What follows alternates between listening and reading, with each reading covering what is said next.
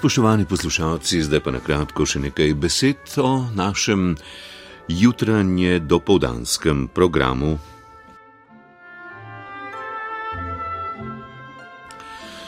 V glasbeni jutranjici danes govorimo o skladateljih, ki jih je na tak ali drugačen način zaznamovala tako imenovana Velika vojna, prva svetovna vojna torej.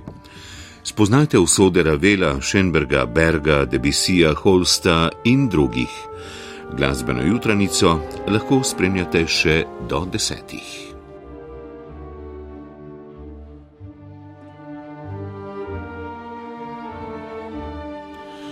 V oddaji skladatelj tedna spremljamo življenjsko pot Otorina Respigija, Po vrnitvi v Bolonijo in dokončanem študiju kompozicije se je Respigi za nekaj let posvetil igranju v godalnem kvartetu Mugelini. Po krajšem bivanju v Nemčiji med letoma 1906 in 1908 se je dokončno vrnil v domovino in se posvetil izključno komponiranju. Prav med prvim obiskom v Berlinu pa sta se zgodili dve pomembni stvari. Prvič se je s svojim delom predstavil mednarodnemu občinstvu ter dosegel lep uspeh. Skladba, s katero se je predstavil, pa je bila prva v nizu njegovih številnih poznejših transkripcij del skladateljev 17. in 18. stoletja. Šlo je za Respigijevo različico opere Lamento Dariana Claudia Monteverdija. Oddaji skladatelj tedna prisluhnite 5 čez 10.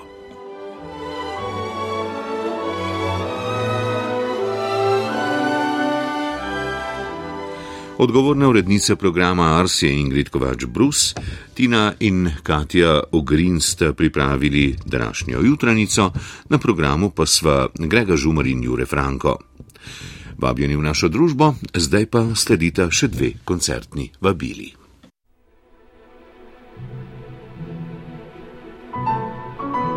Glasbeni poudarki današnjega dne.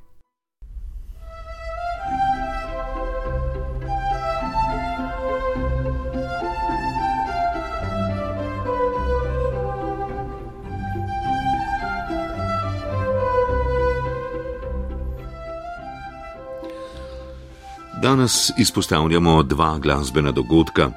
V Uršulinski cerkvi Svete Trojice v Ljubljani bo ob 19. nastopil 100-članski mešani pevski zbor Glee Club z Univerze Princeton iz Združenih držav Amerike.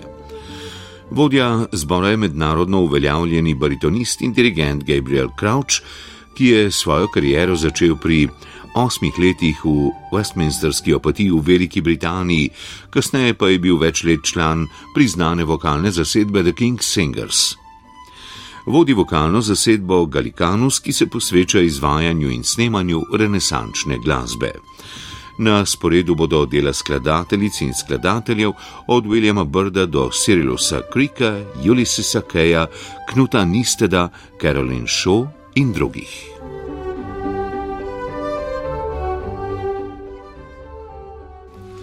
Zavod Sona in Kino Šiška vabita na dva transformativna večera akuzmatične glasbe, ki se boste odvila danes in jutri zvečer v dvorani Katedrala. V Ljubljano se vrača avstrijski glasbenik, izvajalec in akuzmatični skladatelj Tomas Gorbach, ki se mu bodo uživo pridružili gostujoči umetniki Andrej Kobal, Kuar, Oar Poezis in Tonota prisluhnimo Gorbahevemu vabilu na dogodka, z njim je govorila Katarina Radaljac. Lepo pozdravljeni, sem Tomas Gorbah, ustanovitelj in vodja akuzmatičnega projekta oziroma multidimenzionalnega zvočniškega orkestra The Vienna Akuzmonium. V Kinu Šiška bom na več kot 24 zvočnikih izvedel program, ki bo sestavljen iz sklad pionirjev akozmatične glasbe, kompozicijskih mojstrovin z tega področja ter novejših del.